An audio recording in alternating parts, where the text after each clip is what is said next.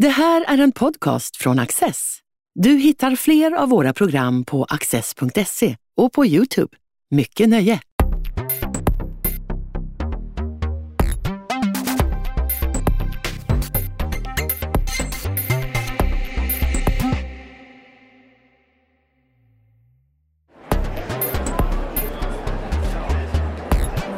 Författaren Henrik Berggren växte upp på Manhattan. I historien om New York skildrar han initierat och personligt en trolös stad som genom århundraden omskapar sig själv och sina relationer till världen.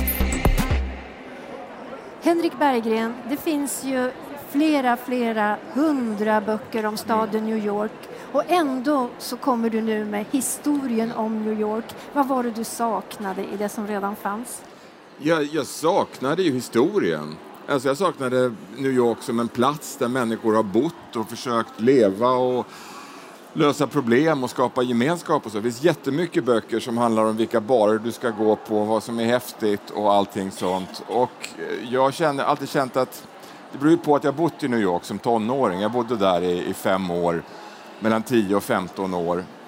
Och ehm, eh, det är lite speciellt kanske att ha sin tonårstid i, i, i, New York då. Och jag har inte pratat så mycket om det för det, det gör lite dåligt intryck liksom när man sitter och folk bara berättar barndomsminnen eller ungdomsminnen och säger att när jag var i New York så låter det lite pretentiöst. Så jag har hållit det lite för mig själv. Men nu kände jag jag känner ett behov av att skriva den här boken för jag tycker att folk pratar så mycket om New York utan att riktigt förstå staden och jag vill ge det här historiska djupet, att det inte bara är den här New York, New York, liksom, ni vet, Liza mm. Minnelli och, och Frank Sinatra och sådär, utan att det faktiskt är en plats av kött och blod visserligen människor har kommit till, det är invandrare som har gjort New York, men de har också försökt kämpa för att skapa någon slags fungerande gemenskap mm.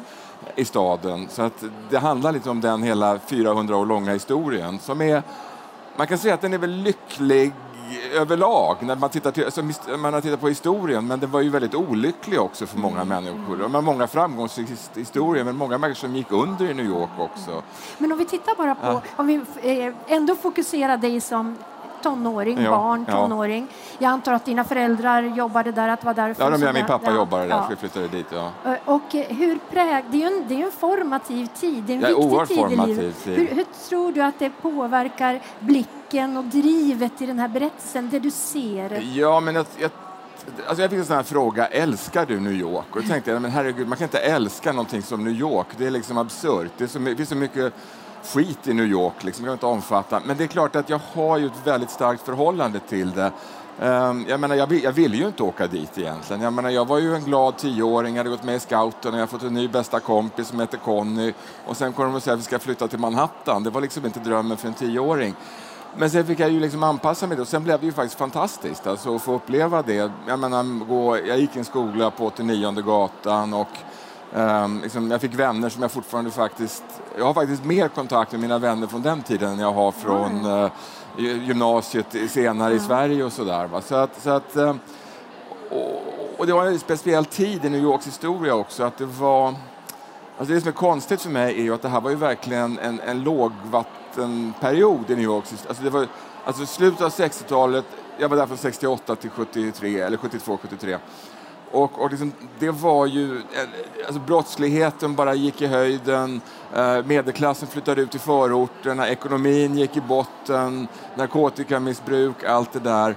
För många är det en ganska mörk tid i stadens mm. historia, men för mig är den ju ändå väldigt positiv därför att det var så mycket spännande som hände i mitt liv och var jag menar, vara 14-15 år och, och, och, ta för sig av, av uh -huh. ja, så mycket som man kan göra som 15 år. Man kan inte precis gå på Studio 54 och så, men jag menar, på sitt som en tonåring. Sett. Så att jag har den och jag tror att det, det, finns i boken tror jag, en känsla för att det här är en plats. Uh -huh. alltså det, alltså, det, har blivit väldigt mycket om, om blivit mycket mer om faktiskt, det här låter kanske inte jättespännande, men ganska mycket mer om fackföreningar, om mm. politik, om alltså hur en stad fungerar. Framförallt har det varit mm. väldigt mycket om alltså hur, hur, hur politiken har fungerat i New York. Men du, du låter ju liksom ljuset falla in på den här staden eh, från olika fönster ja. kan man säga. Och en eh, öppning i ja. boken är ju den här konflikten som var väldigt het ja. när du avslutar boken mellan storföretaget Amazon och New York-borna. Varför var det ett lämpligt sätt att lysa in? Ja, vet hur det är, man ska skriva ett förord. Det är ganska svårt att skriva förordet Och det, här, det här är en historiebok. Och tänkte att liksom den, den, själva första kapitlet börjar ju liksom, den 3 september 1609 seglade Henry Hudson in. Vid där. Liksom, man är väldigt långt tillbaka i tiden, det är väldigt lågt tempo, mm. man är meditativ sådär. Liksom sådär. Och tänkte att jag måste ha en start på boken som förmedlar intensiteten mm. i New York. Och precis då när jag skulle skriva det där så pågick den här konflikten. Och konflikten är alltså denna att um, Amazon ville lägga ett stort corporate campus i Long Island City som alltså då ligger mitt emot FN-skrapan på andra sidan som ett gammalt industriområde som har varit ganska nedgånget. Och det här var en jättegrej. Uh, och, och, staden New York var väldigt angelägen om detta för det var en stor investering och skulle ge jobb och pengar och så. Så man hade förhandlat med den här, eh, vad heter han, Jeff Bezos liksom då. Och de skulle få skattelättnader, det var det ena och det andra. Men Amazon bara drev upp kraven. Liksom. De, var, de är de helt antifackliga, de tillåter inte fackföreningar och det störde ju ganska många mm. faktiskt. Men det var också så att de skulle få väldigt mycket skattebidrag och så. Um, och sen var ju konflikten väldigt flerdimensionell därför att det har skett en gentrifiering där i området. Liksom. Det är ganska mycket spansktalande och svarta som bor där. Men sen har flyttat in vita och det har liksom tagit över gamla lite nedkörda hus och rustat upp dem och så. Och det var framförallt de här lite mer välutbildade vita som inte var lite Amazon, medan de andra gärna såg jobbmöjligheterna och så. Så det skar så många olika konflikter. Och i botten så fanns ju, jag ville fånga den här paradoxen, liksom att alltså New York är ju superkapitalistiskt. Det är klart att det är en stad som Amazon vill vara i och det är en stad som välkomnar Amazon. Men samtidigt är det också en stad så att säga, som är så stark i sig så att man, man kan inte låta kapitalet diktera villkoren och det var det som hände. Och Demokraterna hade ju varit för det här, alltså Demokratiska partiet alltså. Men då, och då var det en demokrat som sa det, liksom att Amazon is big, but New York is bigger. Liksom så, va? så det var stopp där. Så att, att det fångar det där och, och, och, och, den där konflikten finns i, i New Yorks historia. Liksom att, å ena sidan är New York jättemycket fri marknad, total exploatering. Det är också stenhård reglering. Tänk bara på rutnätet, alltså det här Eh, ni vet, eh, num nummer, alltså, du vet det här liksom, numret. Alltså det skapades 1811 eh, drar man ut det rutnätet. Va? Och det är ju liksom en av de här strängaste mm. som har skapats egentligen. Eh, och, och begränsade väldigt mycket möjligheterna att styra över vad som skulle hända. Samtidigt så gynnar det ju eh, fastighetspriserna därför att man liksom la ut planer. Så, så att det finns hela tiden den där konflikten mellan kaos och ja. Eh, planering i staden. Och, och, det här följer ju du. Du går, ja. rullar ju faktiskt tillbaka till början av 1600-talet. Holländarna, engelsmännen. Och så kommer vi fram ganska snabbt till det där som eh, Woody Allen med flera kallat smältdegeln. Och du opponerar ju en del mot den metaforen, den liknelsen att det ska vara som en smältdegel. Ja, den har ju varit mycket, det var jättemycket debatt om smalt, smältdegen. jag, har ett, jag, har ett, jag hittade ett citat, jag inledde boken med ett citat. Ni vet, man vill ha något sånt där klatschigt citat på första sidan. Det ser alltid, det ser ju alltid bra ut och så. Jag, man kan ta något väldigt litterärt eller någonting. Men då hittade, då hittade, det finns en film med Woody Allen och Diane Keaton som heter Manhattan Murder Mystery.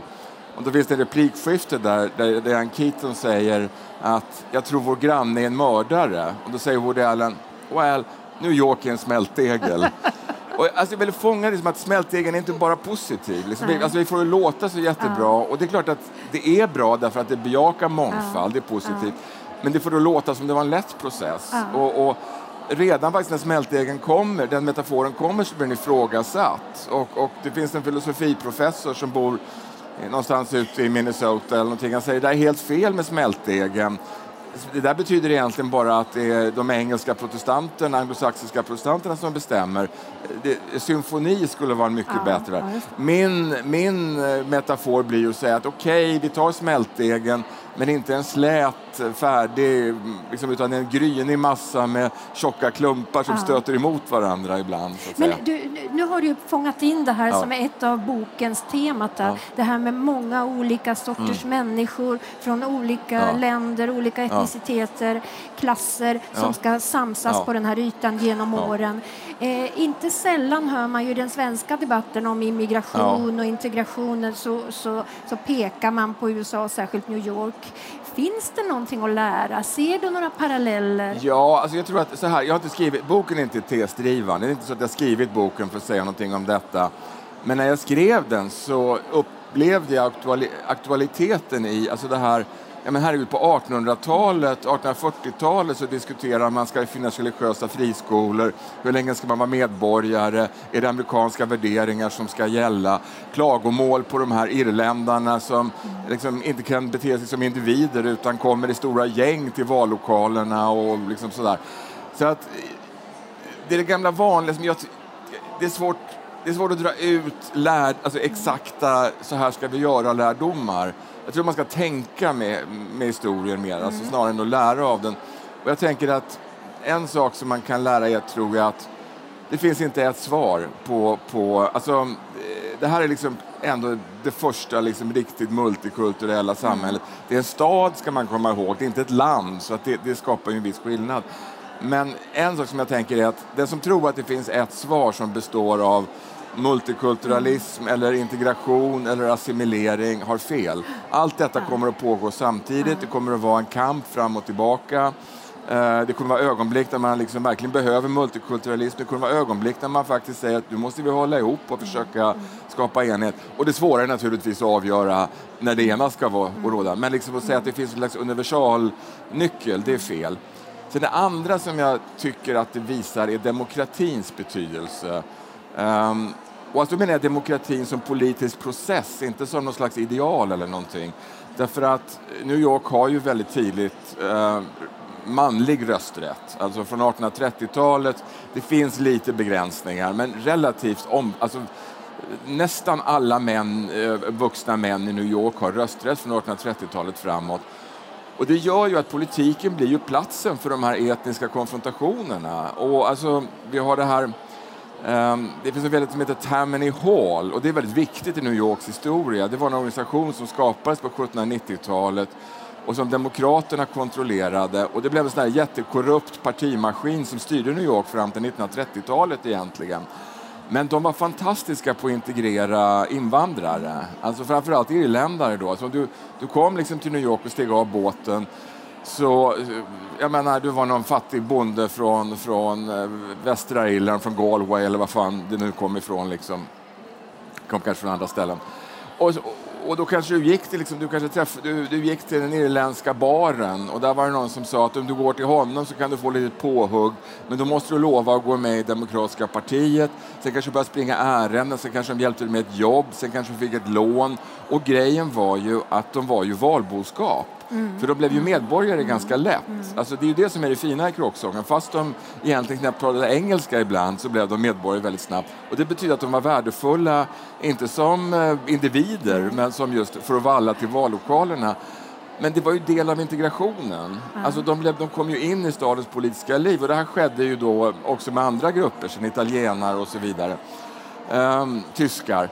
Sen är det klart att det finns andra grupper som inte hade den lyckliga. Det fanns ju en grupp som inte kom frivilligt till New York. När vi pratar om de här européerna så kom ju de... Um, alltså, de var ju väldigt tacksamma även om det var uruselt i New York för de flydde ju från fattigdom och förtryck. Jag menar, hade du upplevt potatispesten mm. på Irland där liksom en miljon människor svalt ihjäl att sitta i någon sån här uh, rutten tenementhus och liksom, uh. där allting var mörkt. Alltså det var fortfarande bättre än det du kom ifrån. Men, men det var ju de som inte kom frivilligt det var ju, det var ju de svarta, det var ju slavarna som tog dit. Ja, ja. Och där är ju inte alls, där har ju inte integrationen alls varit lika Nej. framgångsrik. Och du beskriver ju de här liksom motsättningar, upplopp, det är ju våldsamheter hela vägen. Men det går ju som en röd tråd genom boken det här, hur bygger man en gemenskap? Hur formar man någonting som är gemensamheten? Mm. Och en, eh, det är ju många människor som passerar revy här och fantastiska öden, men det är ju en person och då tänker jag på LaGuardia som... Ja, just det. Ja, det är som, min, det är min lilla ja, hjälte. Jag kan ja. inte motstå honom. Berätta. Ja, alltså LaGuardia var borgmästare i New York från 1933 till 1945. Och liksom det här är den här välfärdsperioden. Mm. Alltså New, New York blir ju då en välfärdsstad, en fungerande stad med alltså väl utbyggda skolsystem, sjukhus, det vore löjligt att säga att det var ett socialdemokratiskt folkhem, för det var det inte. Men, men med amerikanska mått mätt så var det en väldigt, blev det en väldigt avancerad välfärdsstat. Och LaGuardia är liksom den som, som gör detta i New York. Han han, han är, och han, hans bakgrund är liksom det här att man, man har haft liksom jättemycket etniska konflikter Och till slut får man fram en perfekt kandidat som kan lösa de här etniska konflikterna. Hans, hans äh, äh, pappa var italienare från Syditalien, katolik. Mamman kom, var italiensk judinna, kom från Trieste. Men, och han, är, han är född i Greenwich Village, men de flyttade till Arizona. Så han växte upp i Arizona och bar cowboyhatt resten av sitt liv. Och de var inte särskilt religiösa, hans föräldrar, så de skickade honom till um, till den episkopala, eller den alltså eh, anglikanska kyrkan i USA, den söndagsskolan. Sen när han var 20 så flyttade familjen tillbaka till Trieste där han började jobba på amerikanska konsulatet. Och då lärde han sig kroatiska, tyska, franska, jiddisch och italienska och engelska kunde han redan. Och så kom han tillbaka till New York och jobbade på Ellis Island som tolk på imigrantstationen. Och sen kastade han sig in i politiken. Och då kunde han ju liksom, han kunde ju prata med alla grupper och han representerade verkligen det här kosmopolitiska New York. Uh, och sen var han väldigt liksom, kraft, han var kort, han var 153 centimeter eller någonting och, och hade liksom Stetson-hatt och rökte cigarr och sådär. Och var liksom verkligen en representant för den där liksom tuffa New York-stilen. Liksom. Men han påverkar ju också utformningen av staden. Ja, ja, oh ja. Jag menar, han, han, alltså, efter depressionen uh, så, så kom han ju till makten och dels så tog han itu med korruptionen men han tog också itu väldigt mycket med att bygga ut infrastruktur och liksom, um, han var, han var inte ensam om det. Det var inte Per Albin Hansson heller för sin del. Han var ju symbolen för det där, så det låg ju i tiden. Eh, en av mina favorithistorier om LaGuardia det är ju det här... Eh, han är ju väldigt antinazistisk, han ogillar ju nazisterna. Så han, han kommer ju i konflikt med Hitler och Goebbels. Eh, framförallt då... Um, till exempel runt världsutställningen 1939 så, så vill han, han vill inte... Han säger att enda, ni vet, det är en stor väl, sån här världsutställning i New York 39 mm, mm. då. Det finns även skildrad i Pelle Svanslös i Amerika för den mm. som är intresserad. Uh, han, vill inte ha, han vill inte ha tyskarna där. Och han säger att det enda plats de kan komma till det är skräckkabinettet på den här utställningen. Då. Men sen, bästa historien tycker jag ändå är det här att um, det, är, det är mycket protester utanför tyska konsulatet i New York. Um, och då kräver tyskarna ökat polisskydd. Och då går LaGuardia till den judiska kamratföreningen i, i New York-polisen och de bildar en särskild judisk vaktstyrka som bevakar tyska, tyska konsulatet. Så, och, och det är för, för han blir ju verkligen liksom, New York är ju verkligen ett hatobjekt för nazisterna. För jag menar, det är klart det fanns nazister i New York också. Det fanns liksom eh, såna här rörelser som var pronazistiska där också.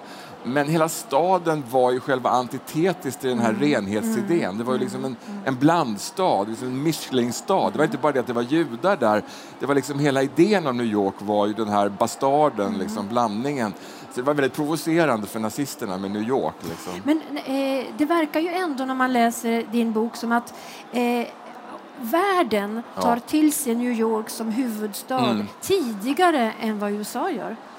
Ja, alltså det sker ju efter kriget, så, så, så blir ju, alltså efter andra världskriget ska vi säga, då träder ju verkligen New York fram, mm. alltså FN förläggs mm. där, mm. med Dag Hammarskjöld, men också det blir centrum för konst, alltså den, den moderna abstrakta expressionistiska, eller abstrakta konsten där, alltså Jackson Pollock, Rothko och sådana.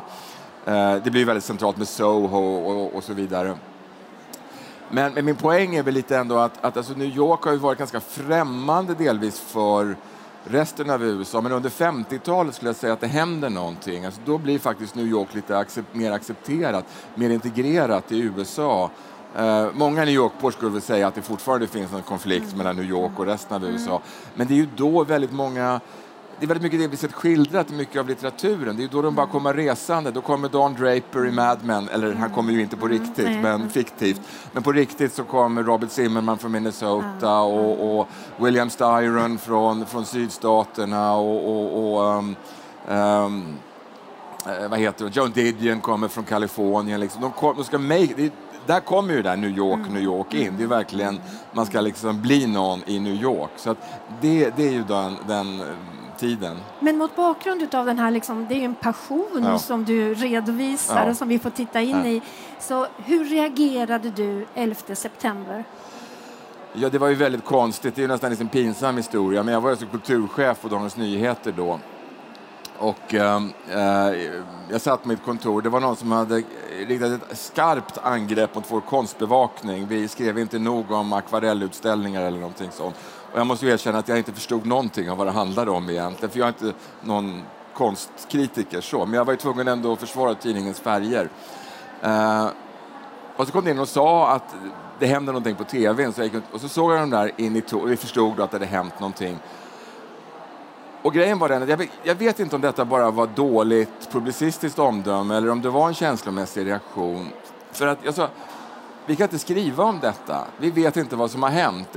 Alltså det var ju så att man visste ju ingenting. Det var ju bara denna bisarra händelse och det kom ju fram bara, det dröjde ju ett tag. Och jag tänkte, det här blir bara löjligt. Det är klart det måste stå på nyhetsplats och så, men vi kan inte, Kultursidan ska analysera detta, um, men, men liksom, vi kan inte säga någonting.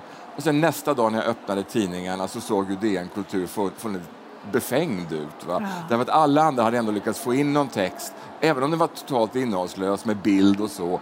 Men vi hade väl liksom, du vet, en recension av en svensk debutantroman mm. eller någonting. Mm. Det såg ut som vi levde på Mars. Mm. Så att, jag vet inte, jag lärde mig någonting om, om alltså, ibland måste man bara skriva fast man inte vet någonting. Men du menar att du, var, du blev så känslomässigt berörd jag, jag så att vet liksom inte om det var det. Jag vet inte om det var det, men det kanske, alltså jag, bara, jag, jag erbjuder det som en liksom, eh, psykologisk förklaring och så. Sen var jag i New York en månad senare efter um, 11 september där. Um, och, och då tyckte jag, jag, tyckte det var väldigt intressant därför att um, jag flög till Boston och då upplevde jag att, att, att det var väldigt obehagligt allting. Liksom. Det var väldigt aggressivt och, och, och, och, stressat i Amerika. Och sen kom jag till New York och om det nu berodde på att jag kände mig mer hemma i New York eller om det var något annat. Det, man pratar om den här smekmånadsfasen, mm. alltså att mm. efter en katastrof mm så förenas ju ett samhälle. Så jag upplevde nog, även om det var mycket poliser och väldigt hårda kontroller och så där, som, som det blir i USA, det kan bli väldigt mm. militaristiskt i USA när de ska liksom, hålla reda på folk och så, så tyckte jag nog att stämningen på gatan och liksom bland folk faktiskt var ovanligt vänlig för att vara New York. Så att säga. Att de, de hade liksom gått ner lite i tempo och en känsla av att vi har något väldigt speciellt i den här staden, den här mångfalden som vi har. Och det är ju någonting, alltså det är ju en andra sidan, det liksom finns verkligen hårda etniska konflikter i New York men det finns också de här perioderna, till exempel första världskriget så var, fanns det en ganska stark känsla i New York att det här europeiska eländet angår inte oss. Vi, vi har liksom kommit till New York och här bor vi alla människor, olika nationaliteter sida vid sida. Så det finns liksom, det, det är både kamp och solidaritet, eller konflikt och solidaritet som, som trängs hela tiden i New York. Men hur har den här fasansfulla händelsen eh, tagit plats i New York-bornas idé om sin historia och du, det sin där är en jättebra fråga och jag skriver ju väldigt, jag går inte in på Nej. det på slutet därför att det är väldigt svårt att skriva om sin samtid ja. för det, det, finns inte så mycket böcker om det som man kan, kan använda. Men, eh, så jag kan inte egentligen säga hur det är med New York-borna, det, det vet jag egentligen inte. Jag tycker ju ändå att på något sätt så Eh, det var en händelse som förändrade världshistorien men, men jag vet inte om den har förändrat New York så mycket i grunden. Mm. Um, däremot så, och, och, och, och, det här är en känsla, det här är min personliga känsla, så tycker jag att det här monumentet de har byggt är extremt överdimensionerat. Jag tycker det känns konstigt att man har byggt ett så gigantiskt um, monument över denna händelse. Och det menar jag inte för att förringa så att säga, händelsen att det var 2000 människor som dog, men alltså, det, en stad så är det så att saker och ting händer. Om, man sätter, alltså, om vi tittar på andra städer så man sätter upp ett monument, det har hänt någonting, det har varit krig och så. Men liksom när man låter det här bre ut sig över hela, hela kvarter så tycker jag att det får en oproportionerlig om man jämför med andra händelser i mm, historien. Mm, alltså, mm. Eh, alltså slavmarknader, mm. indianernas mm. Eh, begravningsplatser, kravaller på 1860-talet. Alltså,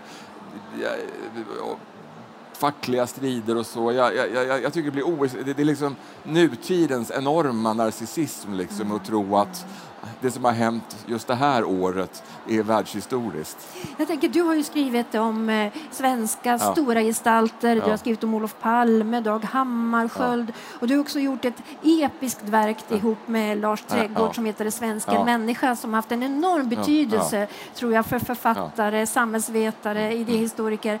Men eh, har din blick på Sverige präglats av Ja, det tror det jag absolut. Nej, men alltså, det är ju helt klart. Jag var ju, jag var ju en, eh, jag är ju en ibland, det, låter, det är lite kokett att säga det, men jag är ju lite återan, åter, vad heter, integrerad åter, återinvandrare så att säga. Jag var ju oerhört främmande från Sverige när jag återvände vid, vid 15-16 ja. års ålder och jag upplevde en enorm främlingskap inför det här, allt det här svenska. Sen har jag ju då jobbat ganska hårt på att komma in i det. Så boken är ju lite en berättelse, den boken är lite en berättelse om hur jag har lärt mig bli svensk så att säga genom att göra de här sakerna. Sen var det väldigt roligt med Lars för mig därför att alltså, jag hade ju då liksom en, en jag var där som bodde i USA som barn också, det ska jag in på det, men jag hade liksom ganska mycket tid fram till 20-årsåldern i USA och han hade flyttat till USA efter 20, mm. så att tillsammans så bildade vi ett liv i Sverige och ett liv i USA, så att det var ju lite mm. utgångspunkten för den mm. boken. Det är sällan en bok har ett så stort inflytande på en diskussion ja, Jag är jätteförvånad att det ja, blev så mycket. Det var, det var, ja. Men du, vi lever i en tid med oerhört stora ekonomiska förflyttningar och politiska nya konstellationer. Eh, eh, som en, en sista fråga, är New York fortfarande världens huvudstad? Ja, det där, jag tycker att det var en huvudstad. Det var verkligen, man kan verkligen se det på 50-60-talet. Alltså det är klart att det är ett otroligt liksom, centrum för, för kultur fortfarande och det drar ju fortfarande. Men, men jag tycker nog att det har Alltså jag har en kompis som skriver, jag, jag citerade ett brev från en kompis, gammal kompis, Toby Traeger heter han, i slutet av boken. Jag frågade honom om detta och han sa väl lite som, ni vet det här um, eh, um, man säger om Oakland, va? alltså inte Alice B. Oakland, vad heter den andra? Gertrude Stein säger om Oakland, there is no there, there. Och han säger, det är inte där längre för mig. Och det är klart att så kan det ju vara, uh -huh. bara man blir äldre och uh -huh. liksom tråkig och gammal och så. Uh -huh. Men, men alltså, jag inte, världen har förändrats så mycket. Alltså, har sådana andra liksom, globala städer utanför Europa och i tredje världen som liksom, det händer dynamiska saker. Så att jag, jag, jag kan inte riktigt... Jag tror att det har med USAs liksom relativa nedgång ändå. Så jag har svårt att se det som världens huvudstad. Jag tycker också att det finns ett element av Disneyland över dagens eh, New York. Liksom. Alltså det, det, vet, man kan inte gå omkring och vara nostalgisk mm. för liksom, knarklangarna och det där. Det, det är jättebra att det är borta, men den här liksom gentrifieringen av Manhattan, alltså det här är inte riktigt det New York jag kände och det är klart det är jätteskönt att man kan gå tryggt i Central Park på kvällen och sådär. Det, det är bra, det är bara positivt. Men, men det är, och porrbutikerna på Times Square, men det är någonting som har gått förlorat ändå. Tack så mycket ja. Henrik Berggren. Tack. Tack. Du har just lyssnat på en podcast från Access. Du vet väl att vi också är en tv-kanal och tidning? Teckna en prenumeration idag på access.se.